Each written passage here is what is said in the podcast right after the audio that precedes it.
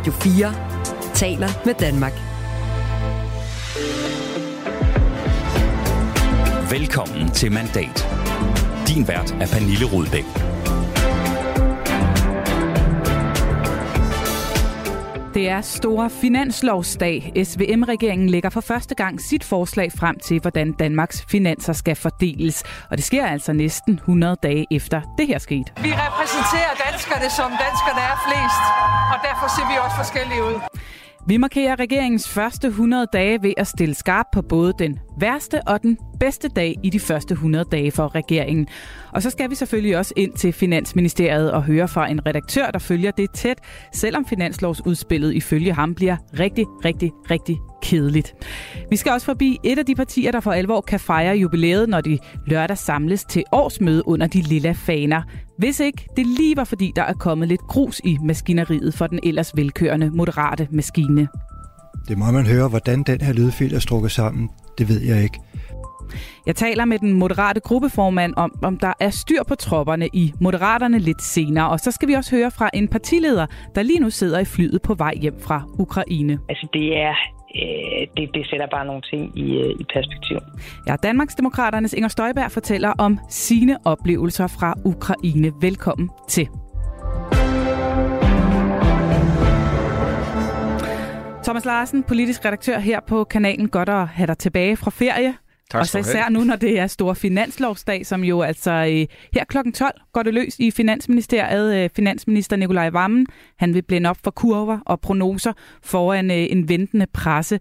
Øh, han vil være flankeret af Troels Lund Poulsen og Jakob Engel Schmidt for de to andre partier, altså arbejdsfællesskabet, som står bag den her finanslov. Det har som sagt taget næsten 100 dage det er drøbet lidt allerede. Hvad ved vi om det, der øh, bliver præsenteret i dag? Du var selv inde på det lige før, nemlig at det nok bliver en temmelig øh, kedelig finanslov, vi bliver øh, vidne til. Øhm, og det skyldes jo blandt andet, at der øh, ikke rigtig er nogen store spændende initiativer i. Den er nærmest pletrenset for det. Og så skyldes det især også, at hvis man ser på finansloven med økonomiske øjne, så er hele, kan man sige, formålet med den dybest set at, at bremse dansk økonomi og tage tempo ud af dansk økonomi. Og når man gør det på den måde, så er det simpelthen fordi, man stadigvæk er i gang med at kæmpe mod inflationen, og at alt magt prøver at holde inflationen nede. Og øh, det er altså øh, her kl. 12, at øh, Nikolaj Vammen og Company åbner for øh, den her talbibel, som øh, flertalsregeringen altså er blevet enige om. Og øh, lidt i 12, ja, der hopper vi øh, ind til Finansministeriet sidst i udsendelsen og taler med en af dem, der følger det allertættest for at høre mere om, hvad vi ved om finansloven. Du lytter til Radio 4. Men vi starter med et jubilæum, nemlig regeringens 100 års jubilæum, som den altså runder på lørdag. Vi skal øh, gøre status, og det skal vi ganske enkelt ved at finde ud af, hvilken dag, der har været regeringens bedste dag, og hvilken, der måske har været regeringens værste dag i de 100 dage, der er gået. Det kan der jo være delte meninger om, så derfor så er vi heller ikke alene. Velkommen øh, i mandat, Helle Ip. Tak for det. Politiske kommentator på børsen. Lad os øh, starte med at kigge på øh, den bedste dag for regeringen. Jeg har bedt jer om at tage en med hver. Helle Ip, du har simpelthen valgt dag 0. Ja, velkommen til. Vi har glædet os øh, rigtig meget til i dag at kunne præsentere det arbejdsprogram, det regeringsgrundlag, der kommer til at gælde for den regering, som øh, dannes i morgen. Øh, og I danskere, I har sammensat et folketing, der skal samarbejde. Det gør vi nu. Mere forpligtende hen over midten, end I har været vant til. Det sker midt i en uh, usikker tid, både for Danmark og for Europa. Vi er, som I ved, og som I har været vant til, tre meget forskellige politiske partier, som nu indgår i et arbejdsfællesskab. Det er jo et, faktisk dagen før regeringen helt officielt blev dannet, da regeringsgrundlaget blev fremlagt. Hvorfor er det den bedste dag for regeringen, når du nu kunne vælge mellem 100 dage her? Ja, det er i hvert fald en af de bedste dage, og, og, og jeg synes, det er indlysende for enhver, hvorfor øh, det må være en af de første dage i regeringens liv i det hele taget. Og det er jo, fordi det var øh, en historisk dag. Der var enormt meget svung over det her. Der var ikke særlig mange, der havde forudset, at lige præcis det her blev resultatet, at vi fik en flertalsregering, at øh, Venstre og Socialdemokratiet gik sammen. Øh, så der var øh, virkelig noget spænding i luften på den her dag, og jeg synes også lidt, man kan høre det i statsministerens ord. Det var ikke sådan business as usual, da de skulle stå og præsentere det her regeringsgrundlag. Det var i hvert fald en historisk dag. Jeg kan godt huske første gang, man så billederne af de her tre øh, partiledere. Sådan en helt nyt syn, der mødte en sådan politiske øjne med at se dem sammen på ræd og række. Thomas Larsen, øh, en historisk dag, men også en af de bedste. Er du enig i det? Ja, fuldstændig. Jeg mener, det er et godt øh, valg, som øh, Helle har taget her. Uh, og det var også fordi, der var så meget altså, håb, optimisme forbundet med den dag. Øh, og, og det var virkelig et, ja, et historisk kapitel, der blev skrevet i, i dansk politik der. Og, og man kunne næsten også fornemme på de her tre partiledere, hvor lettede de var over, at de var lykkedes med at blive øh, enige, og det skal vi også huske på, det var faktisk en politisk øh, kraftpræstation, at de var i stand til at strikke det her historiske kompromis sammen. Så det var, det var en smukke dag, og derefter så begyndte alle problemer. Så begyndte virkeligheden at melde sig. Men, øh, men dog har du jo også kunne finde en, øh, en af de bedste dage, som jo ikke så knytter sig til dag 0 eller dag 1, Thomas Larsen. Du har været lidt længere henne i kalenderen øh, for at finde et højdepunkt for SVM regeringen her i de 101. dage. Vi spoler tiden tilbage til den 30. januar. Jeg synes, at den følelse, man står tilbage med i Mykolaiv, det er jo, en, altså, det er jo brutaliteten fra russernes side. Altså, man er bevidst gået efter civile mål. Øh, man er bevidst gået efter at ødelægge øh, den infrastruktur, der gør, at mennesker kan leve, om det er vand eller det er elektricitet. Så det er, altså, det er jo en ekstrem brutal russisk her, som, som er i, har været og er i Ukraine. Øh, og så bliver vi jo bare bekræftet i, hvor vigtigt det er, at Europa bliver ved med at stå sammen øh, og hjælper Ukraine, fordi det arbejde, der er foran os, er kæmpe, kæmpe, kæmpe, kæmpe stort. Ja, her var det altså Mette Frederiksen, som øh, besøgte øh, Ukraine sammen med Jakob Ellemann Jensen og Lars Lykke Rasmussen og, øh, og talte med TV2 i den forbindelse. Thomas Larsen, hvorfor er det en af de bedste dage for regeringen, synes du? Det er også et rigtig godt spørgsmål, fordi i virkeligheden er jeg enig med Helle som har valgt den bedste dag. Så tænker jeg, så nu, vil jeg, nu vil jeg, ja, så vil jeg komme med nogle nuancer på det. det. Det vi ser et lille glimt af her, og som vi ikke har været vidne til ret tid, det er sådan set en statsminister og regeringschef, der træder i karakter, og som brænder igennem i forhold til befolkningen. Det var noget af det, jeg synes, hun kunne, da hun var bedst, altså i en forrige regering, da hun stod i spidsen for det. Og jeg synes, altså i flere situationer, der har hun sådan været underligt fraværende i det her forløb. Også fordi jeg tror, hun har kæmpet med, hvor meget eller hvor lidt plads hun skulle give både til Lars Løkke Rasmussen og Jakob Elmer Jensen. Det er helt tydeligt, altså at hun skal i forhold til Ukraine? Nej, i forhold til simpelthen hele regeringsledelsen. Okay. Ikke? Men her der ser vi så, her når det handler om den her store internationale dagsorden, der handler om krig i Europa, der handler om, hvorvidt man skal gå ind og støtte Ukraine, der er hun fuldstændig altså, klar i mailet, hun har sine prioriteringer i orden, hun ved, hvad hun vil, og står så med en fortælling, som hun kan brede ud til, til danskerne. Og jeg tror, at det bliver vigtigt, at hun, kan man sige, bliver, bliver, bliver stærkere som regeringschef, også hvis den her regering skal lykkes. Helle Ib, er du enig i, at øh, noget af der, hvor øh, SVM-regeringen har stået stærkest, og Mette Frederiksen har stået stærkest, det har været på den internationale dagsorden, sikkerhedspolitiske dagsorden? Vi kan i hvert fald helt tydeligt se, at udenrigspolitikken er øh, blevet meget øh, vigtig, og man så jo også øh, vælgeundersøgelser, der viste, at øh, blandt de emner, øh, som danskerne prioriterede, jamen der rykkede sådan noget som forsvar og udenrigspolitik op på dagsordenen. Og det er jo også øh, helt indlysende i løbet i, i lyset af det, det seneste års begivenhed, og det er jo også en arena, hvor man må sige, at alle tre regeringspartier, deres partiledere, så har valgt en post, hvorfra de også kan profilere sig på den internationale dagsorden. Altså Jakob Ellemann øh, som forsvarsminister, også selvom han nu er, er på overlov, og øh, Lars Lykke indlysende som udenrigsminister, og Mette Frederiksen selv. Og selvfølgelig er det en stærk dagsorden, hvor, hvor man også må sige, det lykkedes Mette Frederiksen for eksempel at stå i spidsen for en, øh, en folkeafstemning om det danske forsvarsforbehold, hvor man fik danskernes opbakning. Så øh, Ruslands øh, invasion har simpelthen rykket øh, på nogle ting, og øh, må man også tilføje ekstremt meget af det, der sker i dansk indrigspolitik, og øh, senest det øh, finanslovsforslag, vi kommer til at se, og økonomisk mm. redegørelse i dag, har jo en eller anden link til det internationale. Altså hvad end vi taler øh, forsyningssikkerhed, gas, øh, elpriser, inflation, øh, nye sikkerhedspolitiske trusler, så er det en ekstremt vigtig dagsorden, hvor alt sådan set øh, flettes ind i hinanden. Der hvor jeg så måske øh, har en, en lille øh, betænkelighed ved øh, entydigt at gøre øh, den her øh, til en af de bedste dage, som Thomas øh, nævnte, det er jo så også det, at det faktisk ikke helt er lykkedes for regeringen at lave den her kobling mellem den ekstremt alvorlige sikkerhedspolitiske situation, Danmark står i, og så behovet for at skaffe et meget større råderum, blandt andet ved at, at afskaffe Storbededag. Fuldstændig rigtigt, Helle. Og det var nemlig et kæmpe nederlag for Mette Frederiksen, at hun ikke lykkedes at lave den her øh, øh kobling. Øh, det er vel en af de første gange, hvor man har set, at danskerne altså sådan generelt og i et stort øh, antal simpelthen fejrede hendes dagsorden af, af banen. Og så kan man så øvrigt også knytte den ekstra ting til, at man vinder aldrig som statsminister valg på udenrigspolitik. Og der, nu tager I uh, lidt uh, forskud på det, vi faktisk skal til at tale om, nemlig der, hvor det så uh, har været knap så sjovt at være SVM her i de seneste 100 dage. Nu har vi talt om de to bedste dage, to bud på det. Jeg har også bedt jer om at tage to bud på de værste dage med.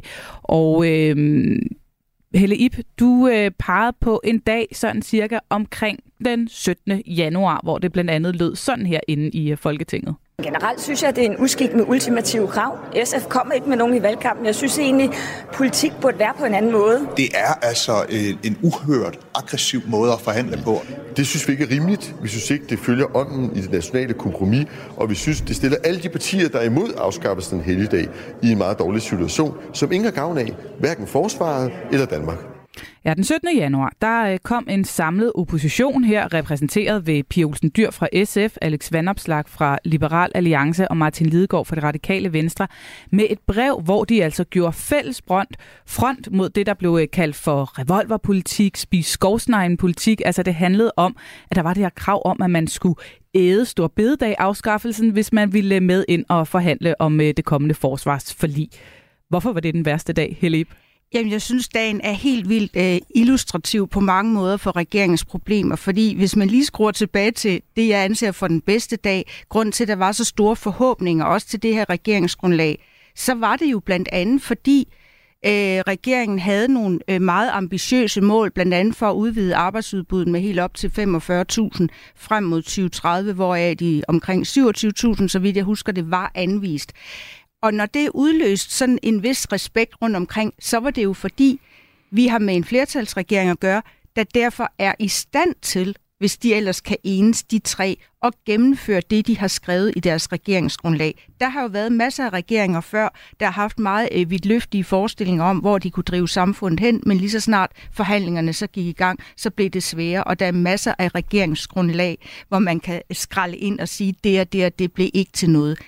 Her har man rent faktisk muligheden, fordi man er en flertalsregering, øh, og, og sætte sin politik igennem. Men første gang, de så gør det øh, omkring afskaffelse af stor bededag, og det her kryds, koblingen til forsvarsforligsforhandlingerne, jamen der går det bare helt galt. Og der synes jeg, det lykkes for øh, oppositionen, en samlet opposition, at påføre regeringen sit første nederlag, ved simpelthen at sige, det er ikke en måde, vi vil forhandle på. Og det skræmte regeringen i en grad, så de godt er klar over, man kan faktisk ikke fortsætte på den måde. Dermed ikke sagt, at de vil opgive deres politik. Vi ved jo også, at øh, bededag øh, blev afskaffet øh, trods protester, massedemonstrationer osv., underskriftindsamlinger, enormt stor vrede i fagbevægelsen og vrede politisk fra hver fløj. Bededagen er afskaffet, men den kobling til og også være mm. inde og forhandle forsvar, hvor man også må sige, at enhver forsvarsminister må have en kæmpe interesse i, at når det handler om så vigtigt et emne, så mange milliarder, en aftale, der måske kommer til at løbe i 10 år, så er det selvfølgelig en god idé at have flere med, end det her øh, øh, smalle flertal, man kan sige, de tre partier repræsenterer. Jamen, det er en virkelig vigtig dag at fokusere på, og, og så synes jeg også, der er måske et andet aspekt her, Helle, der handler om, at øh, en, en stor del af bevæggrunden for at lave den her øh, brede regering, det var jo i virkeligheden også, at der skulle være altså, mere harmoni i folkestyret, ikke, for at, at sætte en overskrift på, at, at det skulle være slut med de her hårde frontlinjer, der gik ned gennem øh, folketingssalen. Og her må man jo altså bare konstatere, at der lykkedes det altså en, en regering at lægge sig ud med stort set hele Folketinget, ikke? Øh, ligesom man så i forvejen også havde lagt sig ud med, med meget store øh, vælgergrupper.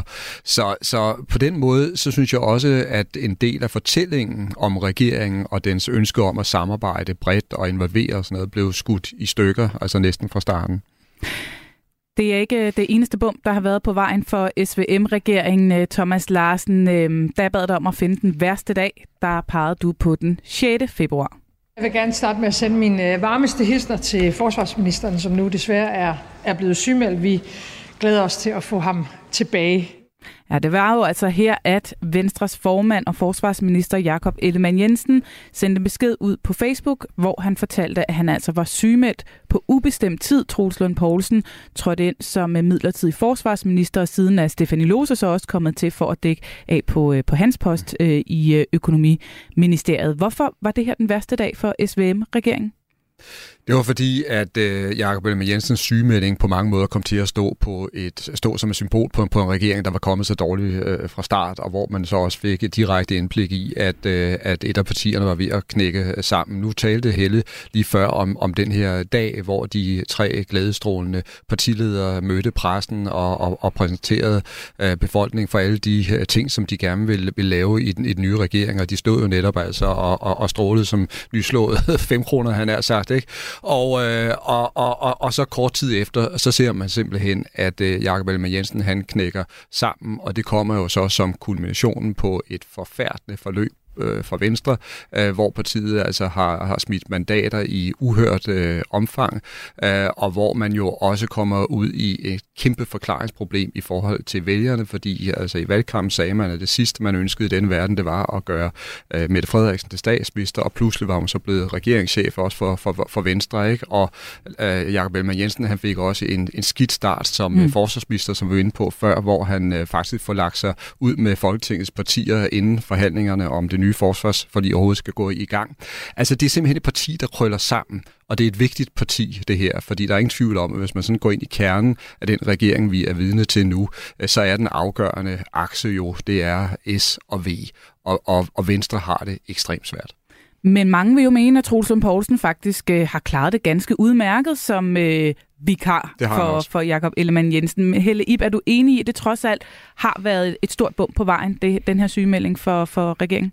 Helt indlysende, og, og det er jo rigtigt, at man kan godt sige, når øh, regeringen drifter selvfølgelig videre. Det er ikke sådan, at der er opstået et eller andet gabende hul, eller der er nogle ting, der så ikke kan ske i Ellemands fravær. Det er der jo taget hånd om. Men øh, jeg tror, man skal notere sig to ting, og det ene er, at i øh, regeringstoppen, der er der en klar analyse af, hvis SVM overhovedet skal blive en succes som regering, så er det nødvendigt, at det går alle tre partier godt, og at man kan se frem til på en eller anden måde, det er i hvert fald håbet, at blive styrket ved næste valg. Der er så bare den anden ting at tilføje, og det er, at Venstre er indiskutabelt det parti, der har allermest på spil. Altså Mette Frederiksen har sådan set fået det, hun øh, fuldstændig åben gik efter. Hun sagde det i valgkampen, hun ønskede en bred regering. Hun øh, afviste, selvom der var en mulighed, øh, da stemmerne var talt op, at basere en ny regering på det rene røde flertal. Så hun har simpelthen fået øh, den konstellation, hun er gået efter og har stillet vælgerne i udsigt. Og det er nok øh, en kombination af mange forskellige ting, men øh, hun kan på ingen måde øh, kritiseres for øh, at skifte signaler, selvom man kan sige, indholdet af den øh, politik, hun prøver at få igennem nu, er jo en noget anden end den, vi så øh, i Mette Frederiksens første formandsperiode.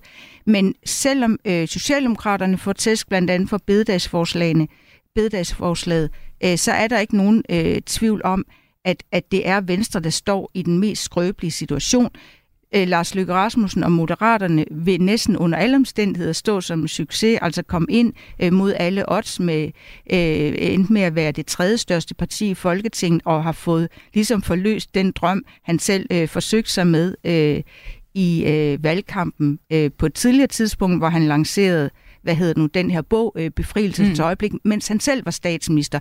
Øh, og det er så jo et projekt, der så endelig har fået luft under vingerne, mens for Venstre, hvor man bare sige, de måtte løbe fra det, øh, de havde øh, givet udtryk for i valgkampen over for vælgerne, og de er løbende øh, lagt for hån og spot af de andre borgerlige partier, der simpelthen synes, at partiet har svigtet. Så både på personplanet og på øh, det politiske, der skal folde sig ud, der er Venstre simpelthen det parti af de tre, der har mest på spil.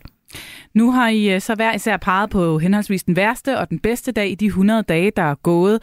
Øhm, målingerne fortæller os måske en historie om, at der har været flere dårlige dage end gode dage. I hvert fald, så hvis man øh, sådan kigger lidt overordnet på det, så står de sådan regeringen til at miste alt mellem 8 og 10 procent i mange målinger, op mellem 15 og 20 mandater, når det har set aller værst ud. Øhm, har der været, ja, der har været flere dårlige end gode dage. Hvad skal der til for, at øh, regeringen forventer det her, Helle Ip? Det, det er jo et, et kæmpe øh, stort spørgsmål, og jeg må sige personligt kom det faktisk også bag på mig, at spørgsmålet om stor bededag egentlig skabte så voldsom vrede. Øh, og der er jo et eller andet, der tyder på, at regeringen slet ikke er trængt igennem med en fortælling om, øh, hvorfor øh, de her lidt upopulære reformer overhovedet er nødvendige. Mm. Og det bliver nok ikke lettere, når vi får øh, præsenteret en finanslov, der også viser, at vi har sunde offentlige finanser, høj beskæftigelse og, og kæmpe overskud. Så det er øh, en enorm opgave, der venter regeringen, hvis den vil gå lidt frem øh, i popularitet.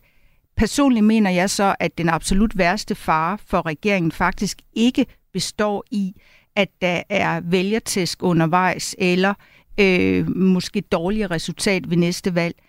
Øh, jeg synes, det absolut værste for den her regering vil være, hvis de faktisk ikke rigtig kommer igennem med noget substantielt, som virkelig rykker samfundet i en meget bedre retning i forhold til de mål, de har sat op.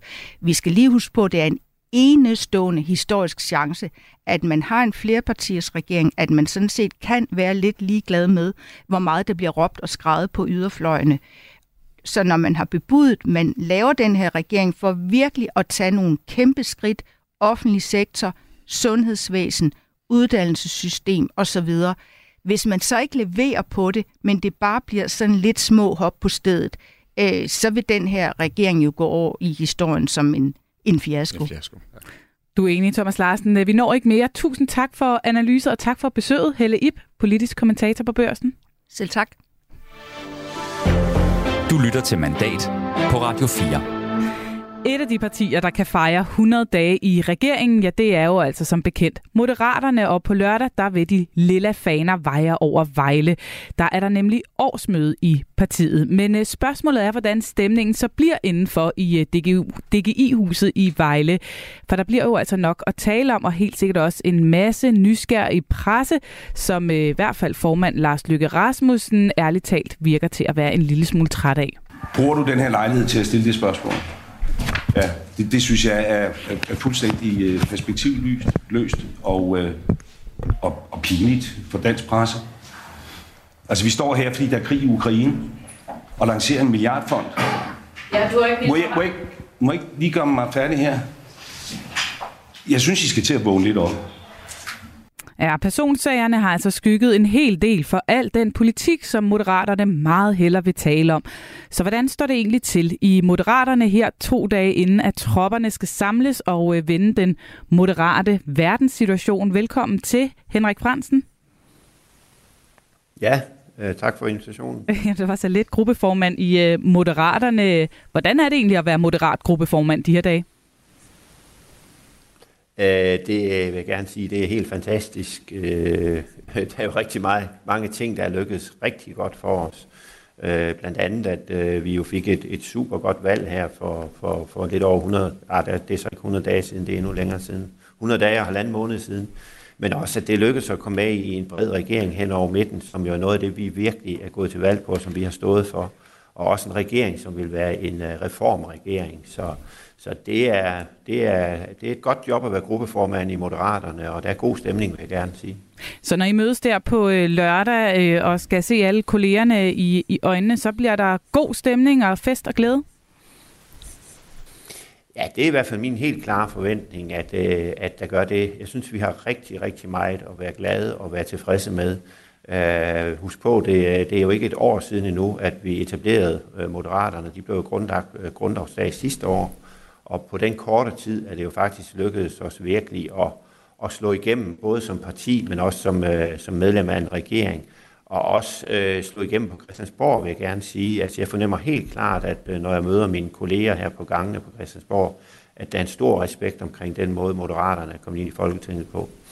Men Henrik Fransen, du er jo altså også øh, gruppeformand, og det er jo dig, der skal have samling på, på tropperne, kan man sige. Det er dig, der skal have styr på gruppen. Hvordan går det med det? Jamen, jeg synes, det er gået rigtig godt. Øh, vi, har, øh, vi har nogle gode gruppemøder, vil jeg gerne sige. Øh, det er jo en, en, en ny gruppe, en gruppe, hvor der er rigtig mange øh, af gruppemedlemmer, som aldrig nogensinde har beskæftiget sig med politik før, men som har et brændende engagement i, øh, i, i, i forskellige dele af, af samfundet, på med en stor viden på hver deres område. Det er også en gruppe, hvor vi har mulighed for at tænke nyt, hvor vi har mulighed for at gøre tingene på en ny måde. Altså husk på, hver gang vi gør noget for første gang, så er vi jo i gang med at etablere en ny gruppekultur, og det, det er noget af det, vi snakker rigtig meget om. Mm. Men, men Henrik Fransen, vi kommer jo ikke udenom, at øh, de her personsager, de har fyldt rigtig meget, og måske også allermest øh, de seneste dage og uger. Det er jo især sagen om øh, Jon Steffensen, øh, som har fyldt meget. Han besøgte faktisk radioen her i fredags og sagde blandt andet sådan her om øh, lydoptagelserne, som øh, angiveligt øh, skulle være øh, bevis på, at han skulle have forfalsket en underskrift. Noget han selvfølgelig totalt selv afviser. Det må man høre, hvordan den her lydfil er strukket sammen. Det ved jeg ikke. Altså sagde han blandt andet, øh, hvordan har hele den her personsag om Jon Steffensen påvirket stemningen i den moderate gruppe? Jamen, jeg har jo lagt mærke til, at den fylder meget i medierne. Men jeg er bare nødt til at sige, at øh, den fylder, den fylder stort set ikke noget øh, hos moderaterne. Vi er i, øh, i gang med at, og, og, hvad skal man sige, at folde vores politik ud. Vi er i gang med at arbejde øh, os ind på det og være et øh, regeringsparti, og det synes vi, det lykkedes rigtig godt. Og det er korrekt, at øh, der står jo journalister uden for gruppeværelset hver eneste gang.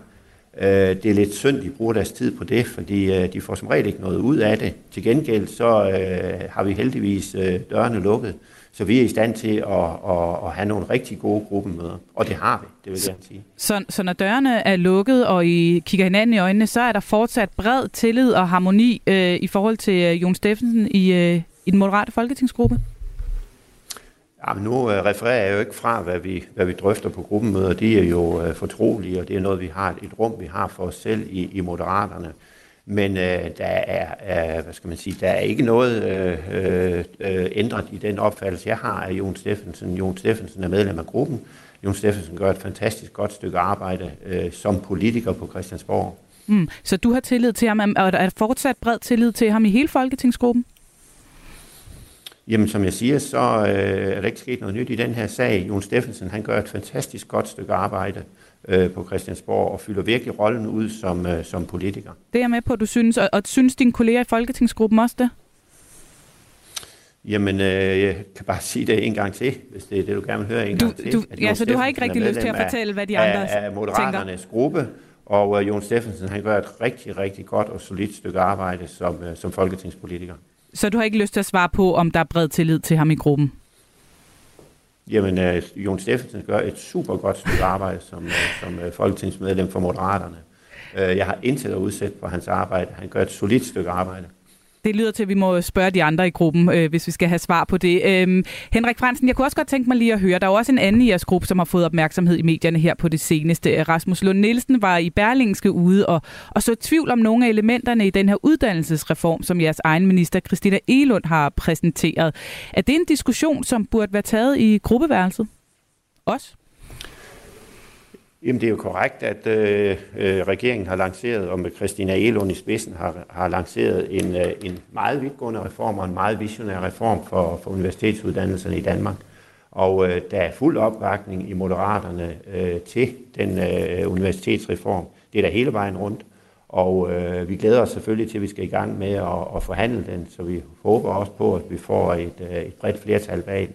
Mm, det er med på, og nu spørger jeg dig som gruppeformand, som en, der skal styr på tropperne, som vi snakker om. Det er din rolle. Er det øh, en god idé, at man som øh, menig medlem af den her gruppe går ud i øh, medierne og så tvivl om øh, en ministers forslag, som endda kommer fra ens eget parti? Men altså, det er en enig øh, gruppe, som står bag ved vores øh, undervisning, men eller jeg, uddannelses, men, uddannelses- men Henrik og forskningsminister, og det er en enig øh, gruppe, der, der bakker op om det. Og øh, det håber jeg også, at øh, jeg ved godt, man kan, man kan læse den artikel på mange måder, men jeg er ikke i tvivl om, at det er hele gruppen, der bakker op om, om, om, om det forslag, der er lagt ud her. Men nu, nu skal jeg... det så forhandles, og, øh, og så må vi jo se, hvad det ender med, øh, hvem der vil være med, og hvem der ikke vil være med. Men mm. min forventning er da helt klart, at, øh, at vi får en, et bredt flertal bag ved den uddannelse. Men Henrik Fransen, jeg kunne alligevel læse i Berlingske, at du har haft en snak med Rasmus Lund Nielsen om, at han var ude og, og, og kritisere det her. Hvad talte de om? Jamen, jeg snakker jævnligt med, med alle mine gruppemedlemmer. Det er en, Men en sagde du til ham, at han skulle have taget, øh, have taget den kritik har, internt? At man har god at man har god forbindelse med alle gruppemedlemmer, ligesom jeg også taler meget med mine øh, kolleger, gruppeformands kolleger, og vi, øh, vi vender stort, og vi vender småt, og vi øh, får, får snakket mange ting igennem. Men, men sagde du til ham, at, den at snakke, kritik, øh, undringer, man måtte have i forhold til forslag, som regeringen kommer med, det skal tages øh, internt mere, end det skal tages i medierne? Jamen, jeg refererer ikke fra, fra personlige samtaler. Men der er styr på tropperne, synes du, til trods for de her personsager. Er du træt af, at personsagerne har fyldt så meget?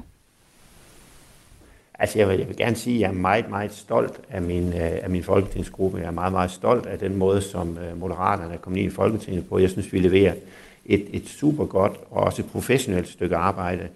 Øh, jeg vil da gerne sige, at jeg synes måske, at det er ærgerligt, at vi har en presse i Danmark, som fokuserer så meget øh, på personsager, og måske netop på, øh, måske har, har valgt at, at lidt at overfalde moderaterne i den her sammenhæng. Det synes jeg måske det er lidt ærgerligt, når man kunne vælge at fokusere på de store ting. For eksempel et uddannelsesudspil, for eksempel det, at vi har en regering, som, som også tør se vælgerne i øjnene, og som tør gennemføre øh, det, man er gået til valg på, netop at få reformeret det danske samfund. Så du ser det udelukkende som et pressemæssigt problem, mere end det er et problem for moderaterne? Altså Moderaterne, øh, øh, der har vi fuld samling på, på tropperne, og vi har en velfungerende folketingsgruppe med dygtige folk på, på alle poster. Det lykkedes for os at få, øh, få, få del i en, i en regering og være med der. Vi har fem meget, meget dygtige ministre også. Så øh, ja, jeg er godt tilfreds. Du er godt tilfreds, og nu skal I så mødes på lørdag. Jeg kan høre på dig, du mener, at Moderaterne er kommet øh, godt fra start her i regeringen. Du er stolt af, af det arbejde, I laver. Øhm, hvis du kigger på den måde, som øh, ikke bare Moderaterne, men regeringen også er kommet fra start i forhold til at skabe øh, det brede politiske samarbejde, noget som jeg ved, der jo lå Moderaterne meget på sinde, at man skulle lave politik på en ny måde. Hvordan synes du så, det er gået med det? Jamen, det er, der har selvfølgelig været meget øh, diskussion omkring øh, bededagen. Det lykkedes dog at få, få øh, radikale med, med på den også. Men ellers er der jo øh, ved siden af det, at der er jo lavet rigtig mange aftaler, den sidste, øh, vi lavede, det var i sidste eller forrige uge, kan jeg ikke lige huske, når det var, hvor vi lancerede Ukrainefonden, hvor øh, 10 ud af 12 partier var med. Der har været inflationshjælp, der har været nogle SSA-puljer, der er blevet uddelt. Der er det jo faktisk lykkedes rigtig godt at få et bredt samarbejde og få rigtig mange partier med i det. Øh, der har måske været steder, hvor det kunne forbedres en lille smule omkring kommunikationen, omkring øh, bededagen, men, øh, men øh, målsætningen er helt klart stadigvæk at få så brede aftaler som muligt men også at få så gennemarbejdede aftaler som muligt. Det er jo også derfor, at vi for eksempel på sundhedsområdet jo ikke, øh, ja, der er lavet en akutplan, som jo tager hånd om nogle akutte udfordringer her og nu, mm. men uh, hvor der så er nedsat en uh, sundhedsstrukturkommission, som inden for et år skal komme med anbefalinger til, hvordan vi kan fremtidssikre vores øh, øh, sundhedsvæsen. Øh, så, så, så med lidt begyndervanskeligheder, så synes jeg faktisk, at vi er kommet godt i gang der også. Med lidt begyndervanskeligheder, så må vi se, hvordan øh, nu de første 100 dage snart gået, hvordan de næste 100 og derefter det kommer til at forløbe. I hvert fald øh, tusind tak for snakken, Henrik Fransen, og fordi du vil være med her, og godt årsmøde på øh, lørdag. Ja, rigtig mange tak, og I er altid velkommen til at kontakte mig igen. Tak skal du have. Således altså øh, gruppeformanden for Moderaterne, Henrik Fransen, øh, som var med os her, øh, Thomas Larsen. Hvad er det for en tilstand, Moderaterne de holder årsmøde i? Det er klart her nu, der fylder øh, sagen mod Jon Steffensen rigtig meget, og det er jo fuldstændig rigtigt, som det også er blevet sagt her, at øh, når partiet holder gruppemøde på Christiansborg, så står der jo altså simpelthen altså en kæmpe flok af journalister, der øh, står parat med, med, med kritiske spørgsmål om den sag, og det, og det skygger jo på en eller anden måde for partiet i øjeblikket, men hvis vi hæver os op i uh, helikopteren her, Pernille, så må jeg sige, så er det stadigvæk en kæmpe succeshistorie. Det er der ikke nogen som helst tvivl om, set med mine øjne. Det var en uh, bedrift, øh, som Lars Løkke Rasmussen han, øh, han klarede, kan man sige, da han stiftede partiet, og jo især fik det til at brage ind i Folketinget med det her meget stort antal øh, mandater i, i ryggen. Det er også en kæmpe bedrift, at det rent faktisk lykkedes ham at få bragt partiet i regering i et hug. Altså, det var hans store drøm at få det her med en regering hen over øh, midten. Så på mange måder, så synes jeg, at den store sejrsherre i forhold til den nye regering, det er Lars Løkke Rasmussen, og ser vi sådan på, hvordan øh, Moderaterne har klaret sig i den første tid, så er det jo også det parti, der har, der har smidt færrest øh, vælgere. Altså, de har faktisk en ret stabil, øh, god opbakning øh, hos vælgerne øh, stadigvæk. Og øh, man må også konstatere, at hvis vi ser på de enkelte ministre og ser på, hvordan de har klaret sig, så mener jeg, at Lars Løkke Rasmussen han har været meget overbevisende i sin start som øh, Danmarks nye øh, udenrigsminister. Så der er faktisk taler om en, øh, en, en, en succes, og det er selvfølgelig også derfor, at det er så græsligt og så irriterende og så frustrerende for dem, at Jon Steffensen fylder så meget i mediebilledet, som han gør nu. Og jeg vil så tillade mig at sige med god grund, fordi altså, når vi ser tilbage i Jon Steffensens fortid, så ser det ikke kønt ud, det der er sket. Så vi har altså en dobbelthed her, at ja. det på den ene side er en kæmpe succesfortælling, men lige nu er der bare noget andet, der larmer. Hvad bliver det for et årsmøde på lørdag for Jamen, det kan nemlig godt gå hen og blive sådan øh, e-, e-, et årsmøde, øh, med, med, med, der, der kommer til at fungere på to planer, fordi jeg tror, vi vil komme til at se en øh, partiledelse med Lars Løkke Rasmussen i spidsen, der netop altså vil øh, kæmpe for, at øh, euforien øh, kommer helt op under øh, taget i, øh, i, i hallen, øh, og han vil tale om alt det, der er lykkedes for partiet, og så vil man nok samtidig se altså en masse pressefolk, der vil øh, gå målrettet efter og få svar på deres spørgsmål omkring øh, Jon Steffensen. Så et godt bud er, at der nok kunne komme nogle, øh, nogle skud-episoder øh, igen mellem Lars Løkke Rasmussen og pressekorpset, der er forsamlet der. Du lytter til Radio 4. Vi er i fuld gang med vores politiske magasin Mandat. Her i studiet er politisk redaktør Thomas Larsen, og jeg hedder Pernille Rødbæk. Nu skal det handle om noget helt andet, fordi når man skal træffe store politiske beslutninger for rigtig mange skattemilliarder, ja, så kan det måske være meget godt det der med at have set det med egne øjne og mærket det helt ned i maven. Og måske var det derfor, at øh, syv medlemmer i det udenrigspolitiske nævn i Folketinget i går var på besøg i Kiev i Ukraine. Det var blandt andre Venstres øh, udenrigsordfører Michael Ostrup Jensen, SF's Carsten Hønge, og så også Danmarks Demokraternes formand Inger Støjberg, som jeg fangede på en telefon fra Polen her tidligere i morges. Det største indtryk, det var tror jeg, at være ude i uh, Irpin, altså en, uh, en forstad til, til Kiev, som, uh, som russerne jo har smadret uh, fuldstændig uh, nogle af stederne. Og ikke nok med det, men altså en del af det har slet ikke været nødvendigt i forhold til krigen. Man har bare smadret løs efterfølgende også, uh, efter at de, de indtog uh, Irpin. Og så uh, efterlod man miner, man efterlod sprængladninger i, uh, i bamser og legetøj. Øh, øh, og, øh, og, og det synes jeg jo, det er jo altså, det er helt ubegribeligt barbarisk øh, at stå og se på, når man er, er der. Men det, der også gør indtryk, det her er jo altså ukrainernes helt uforlignelige kampvilje. Øh, og, og også at se, altså for eksempel i Irpen, hvordan der står en mand og, og skovler sand ved sit hus, der er fuldstændig smadret, og som han tydeligvis er gået i gang med at genopbygge. Der har jo ikke bare været øh, rørende besøg, som gør indtryk, at man kan mærke i maven. Der har jo også været øh, benhård snakke, går ud fra, med øh, politikerne. Jeg mødtes med den ukrainske udenrigsminister. De inviterer jo også derned, fordi at de har brug for noget mere. De har brug for mere støtte, mere hjælp, mere militær isenkram. Der har været en masse snak om kampfly. Er det en god idé? Ja, altså, ja, vi har talt med både udenrigsminister premierminister øh, og, og en række andre øh, politikere. Der er ingen tvivl om, det de beder os om nu, det er ammunition, fordi det er de i øh, voldsom mangel på. Og, øh, og det har selvfølgelig en kæmpe betydning, ikke bare for øh, deres modstandskraft, men jo altså også for, hvor mange af deres egne, der, altså der, der simpelthen øh, dør af i kampene, hvis de ikke har ammunition nok. Og det andet, det er, er kampflyene. Og, øh, og det havde vi en, altså mange drøftelser med dem øh, om. At vi kommer fra, altså fra, fra Danmarksdemokraternes side, der kommer vi ikke til at stille os i vejen, hvis det giver mening at sende øh, F-16-fly derned. Men der er jo lige det ved det, at, øh, at det kræver en enorm træningsindsats, fordi de har ikke flået i F-16 før. Øh, og det er jo selvfølgelig sådan nogle ting, der også bliver, bliver diskuteret, og som blev meget diskuteret på møderne også. Men der er grønt lys for jer, hvis det er det, der øh, giver mening, siger du? Altså, hvis det giver mening, og i det hele taget, så, så øh, kommer vi ikke til at stille os i vejen for noget, øh, som, som tydeligvis jo giver mening. Fordi det, der bare er ved det, det er, hvis Ukraine falder, så øh, stopper øh, Putin jo ikke her. Øh, så, øh, så fortsætter han og, øh, og så øh, vil man kunne se andre lande, som han øh, helt klart vil øh, gå ind i. Og det er jo sådan nogle ting, øh, når man sidder og taler med, øh, med, med de ukrainske politikere og, øh, og, øh, og, og diskussioner omkring det, det er jo, det er jo klart, altså det, øh, det, det gør indtryk, og, øh, og det er, er virkelig noget, som, øh, som jeg synes, jeg har fået meget ud af.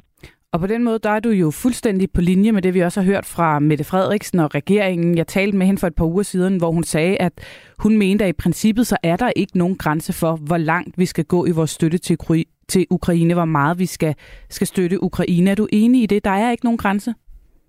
Jamen, det er jeg enig i, fordi der, der er meget på spil her. Øh, Ukrainernes øh, frihed er jo selv sagt helt central nu, øh, og, og det, at de er blevet øh, invaderet øh, fuldstændig altså barbarisk og helt uden grund. Øh, men, men det, der jo er ud over det, det er selvfølgelig, at, øh, at hvis, øh, hvis Putin får held af det her, så stopper han ikke her. Og derfor så er jeg enig med Mette Frederiksen i det her, og, øh, og, og en af de ting, som jeg synes har været meget vigtig i hele øh, opspillet til, øh, til øh, vores, øh, vores hjælp til Ukraine, det er jo, at det har været meget, meget bredt i Folketinget, og at de store pakker jo er blevet sendt ud samlet set øh, fra, fra Folketinget.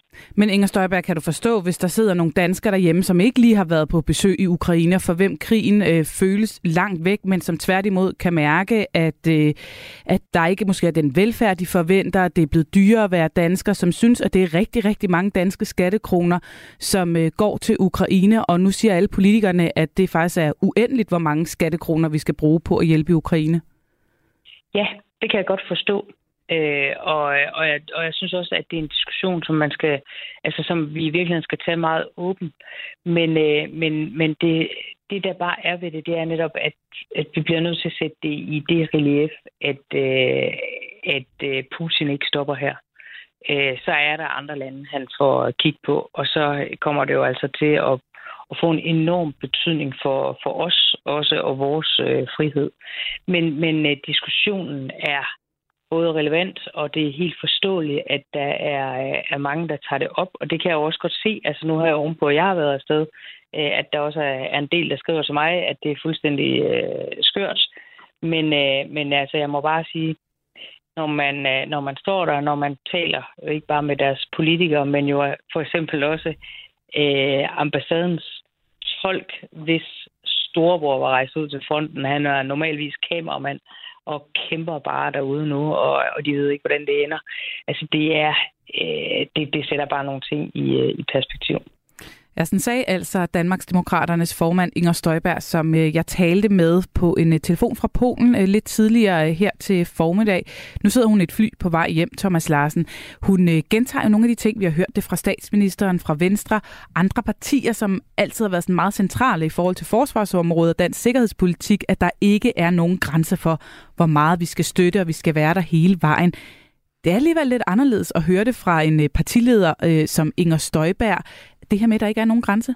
Ja, det er det. Det er øh, på mange måder også et stykke historie, vi er vidne til her, fordi kigger vi tilbage, så har der været masser af tilfælde, hvor der netop har været altså enorm øh, uenighed mellem partierne, når det handler om udenrigspolitikken, sikkerhedspolitikken. Altså det er virkelig øh, et felt, hvor der er gået skarpe frontlinjer ned igennem, og nu ser vi altså så den her store samhørighed, store enighed, der handler om, at Danmark skal støtte Ukraine alt det, vi overhovedet magter, altså også med meget, meget store øh, donationer rent økonomisk, men altså også øh, militær hjælp i, i, en, i en kæmpe skala. Det er ganske rigtigt øh, unikt, og også det, at det er så bredt forankret. Det er jo praktisk taget altså alle Folketingets partier, der er enige i den her linje.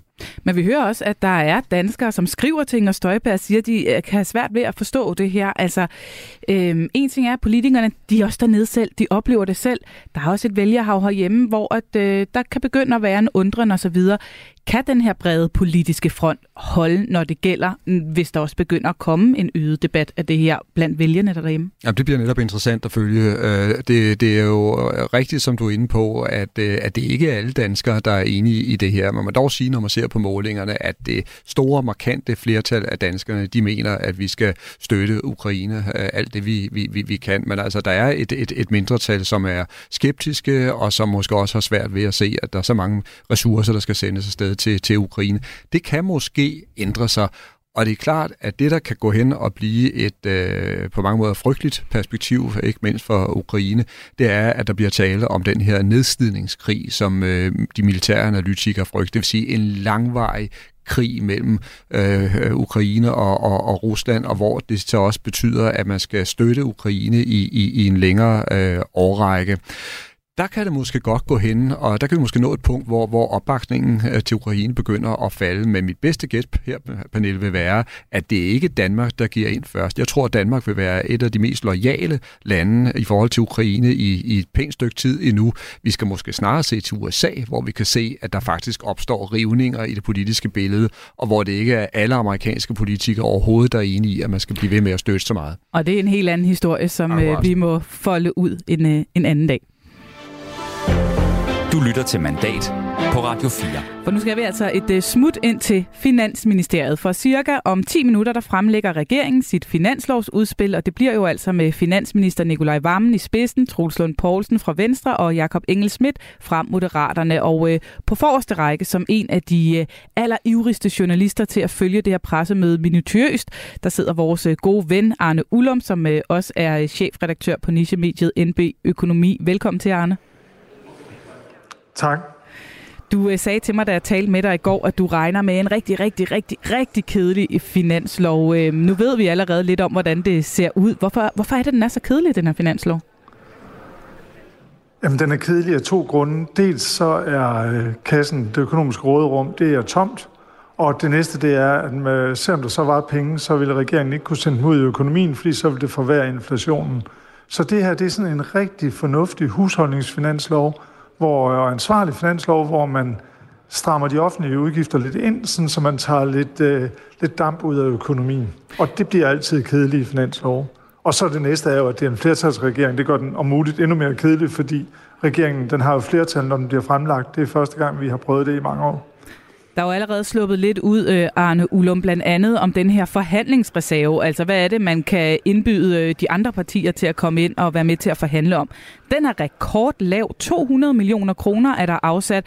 Øh, hvis vi bare kigger på sidste år, så var den dog på 1,2 milliarder. Året før det 1,5 milliarder. Nu er der 200 sølle millioner kroner. Hvad siger det om finanslov? Jamen, det, altså, det siger jo øh, først og fremmest, at vi har en flertalsregering. Øh, og øh, det betyder jo, at øh, efterspørgselen efter ekstra mandater bag et finanslovsforlig er relativt lille, og dermed bliver prisen også lille. Men det siger selvfølgelig også noget om, at det er en utrolig stram finanslov med meget få penge. Men jeg sad lige her for sjov og regnede på, at øh, sådan med det for, de partier, man kan forvente, der formentlig gerne vil med i et forlig, så kommer prisen på et mandat, ekstra mandat til finanslov ned under 5 millioner. Og øh, normalt så har det ligget helt op omkring 50 millioner. Så, så, så de partier, der nu skal ind og forhandle, de kan få nogle meget, meget små symbolske smuler øh, med fra bordet. Så, det... så det bliver sådan en, en speciel finanslovsforhandling. Der er, øh, der er ekstra billige mandater at få nu, hvis, øh, hvis man vil være med her. Øh, Arne Ullum, er det overhovedet afgørende, om den her finanslov bliver bred eller smal? Fordi som du siger, de har jo flertallet regeringen. Altså, kunne de bare køre den igennem, bare regeringen? Ja, men, men og men der er sådan noget symbolpolitik i, eller symbol i, at hvis du er en, en regering, der gerne vil fagne bredt, og du så kun kan samle dine egne mandater, så ser det ikke så, så kønt ud. Og modsat er der også noget, det vi, de, altså de partier, vi traditionelt kalder magtpartierne, det er deres selvforståelse, altså de radikale, SF også, og øh, øh, konservative og sådan nogle partier. Det, altså for dem er det også en del af deres identitet, at, at, at, at man er med i et finanslovsforlig. Så... Altså fordi ellers er man jo sat helt uden for indflydelse.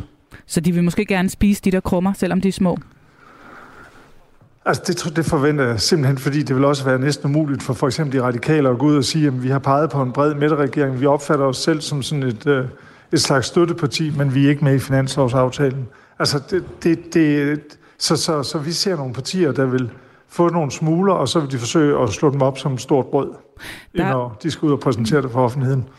Der er blevet øh, talt meget om nødvendighedens politik, alle de her krisefortællingerne, den brændende velfærdsplatform. Øh, nu fortæller du også, at vi får den her øh, nærmeste rekordstramme finanslov. Er det en finanslov, som ligesom passer ind i det billede? Øh, ja, altså det er... Øh, altså hvis, øh, hvis man havde vedtaget en finanslov nu, eller lagt en finanslov frem, der var meget ekspansiv med mange nye udgifter, så ville alle økonomer sige, at det er dybt uansvarligt. Så det her det er simpelthen sådan den ansvarlige øh, finanslov, der også passer til øh, regeringens kriseretorik. Øh, øh, og det er måske det, der kan blive det mest interessante i den her finanslov, det er, at øh, altså de faktiske tal gør det sværere og sværere for regeringen at sige, at der er sådan en stor langsigtet økonomisk krise, øh, fordi det går faktisk ufattelig godt med dansk økonomi. Men Arne Ullum, det er jo ikke alle, som er helt enige. Der er jo en, en debat, også blandt økonomer og professorer, i om, hvor, hvor, hvor meget krise står vi reelt i. Altså, er velfærdssamfundet simpelthen på afgrundens rand, eller ej? Øh, nu ved jeg godt, du ikke er økonom, økonom men altså, du beskæftiger dig alligevel med det her øh, hver dag og taler med alle dem, der ved noget om det. Altså, står vi vidderligt ved afgrunden? Nej, og det, og det kan du sige, det er et selvstændigt problem for regeringen. Altså, øh, øh, situationen er, at vi har en akut inflationskrise, men når vi så kigger lidt længere frem, jo, så er der en udfordring med, øh, fordi vi, der bliver flere børn og ældre, især ældre, og, øh, og det giver et, et, et pres. Men samtidig så øh, går det jo rigtig godt med beskæftigelsen. Og øh, noget af det, vi kan se i de bagvedliggende tal, som jeg har nået at kigge i, det er, at øh, allerede næste år regner man med, at inflationen er nede på 2,8 procent. Og det er altså med en beskæftigelse, som er meget højere end den, man regner med i regeringens prognoser, er, er bæredygtig på lang sigt. Og det vil den få tiltagende svært ved at forklare, mm. at den ikke vil indregne skatteindtægterne for alle dem, der er i beskæftigelse, fordi det ikke er holdbart, når, vi, når man forventer en inflation på 2,8 procent i, i 2024. Øh, så det tror jeg er en af de diskussioner, der vil tage til. Det er at overdrive regeringen i virkeligheden de økonomiske udfordringer for at skabe en begrundelse for alle de reformer, den gerne vil nå at at gennemføre. Og så kunne man jo godt have sådan en mistanke om, at regeringen, så når vi nærmer os et folketingsvalg, vil sige, kan jeg vælge at se alle de gode reformer, vi har lavet, de har nu betydet, at vi kan hæve den strukturelle beskæftigelse, og så får vi 8 eller 10 milliarder ledige i rådrum, så vi kan gå ud og låne en masse forud for næste valg. Det kunne jeg godt have sådan en, en mistanke om ud fra fakta og politisk tradition, kan man sige. Det må vi holde øje med. Tak fordi du var med, Arne Ullum. Nu må du ind og høre, hvad Nikolaj Vammen har at, at fortælle. Skal, ja. Tak for det. Chefredaktør det ser ud som om, han er på vej, ja, så tak. Afsted med dig. Chefredaktør på NB Økonomi, Arne Ullum. Altså, Thomas Larsen, kan en finanslov være politisk? Og en finanslov kan være politisk. Ja, men jeg tænker, det Arne Ullum siger her til sidst, at, øh, at der også er en fortælling i den her, som regeringen har brug for. Det her, altså, når, når, når vi uh, taler finanslov, så er det ikke et spørgsmål om neutral økonomi. En hver regering vil jo selvfølgelig altså, farve det udspil, som det ligger frem og prøve at drive uh, skal vi sige, udviklingen i en bestemt retning. Men, men jeg, jeg mener virkelig, at Arne Ullum han har fat i en meget interessant pointe, som også skal gå hen og blive altså, temmelig afgørende for, hvordan regeringen kommer til at klare sig i forhold forhold til vælgerne fremover. Fordi der er ingen tvivl om, at Mette Frederiksen er i gang med at skabe sådan en krise fortælling, der handler øh, om, at vi står over for nogle enorme udfordringer, som også bliver meget dyre. Og det handler jo om den grønne øh, omstilling, som hun har talt om. Det handler om, at øh, det danske forsvar skal boostes, altså med meget store milliardbeløb i de kommende øh, år. Og så handler det altså også om at udbedre vores velfærdssamfund på nogle helt vitale områder. Det kan være inden for ældre forsorgen, og det kan især også være inden for sundhedsvæsenet, hvor der er altså mange problemer, det ved alle. Øh, så, så hun fortæller hele tiden, at, at, at, at der er den her krise, der skal, der skal håndteres, og derfor så skal der laves altså reformer, og derfor så skal der holdes øh, skarpt opsyn med, med, med, med, med pengekassen. Men samtidig så hører vi jo altså også fra økonomerne, at det går faktisk temmelig godt. Altså der er penge i kassen, og at øh, dansk økonomi på mange måder altså performer usædvanligt godt i disse år. Og de her to, kan man sige, fortællinger, de står sådan lidt og, og, og, og skuer op mod hinanden, og jeg tror også, at regeringen vil få mange kritiske spørgsmål omkring netop det her dilemma i, i løbet af i dag og i den kommende tid. Radio 4 taler med Danmark.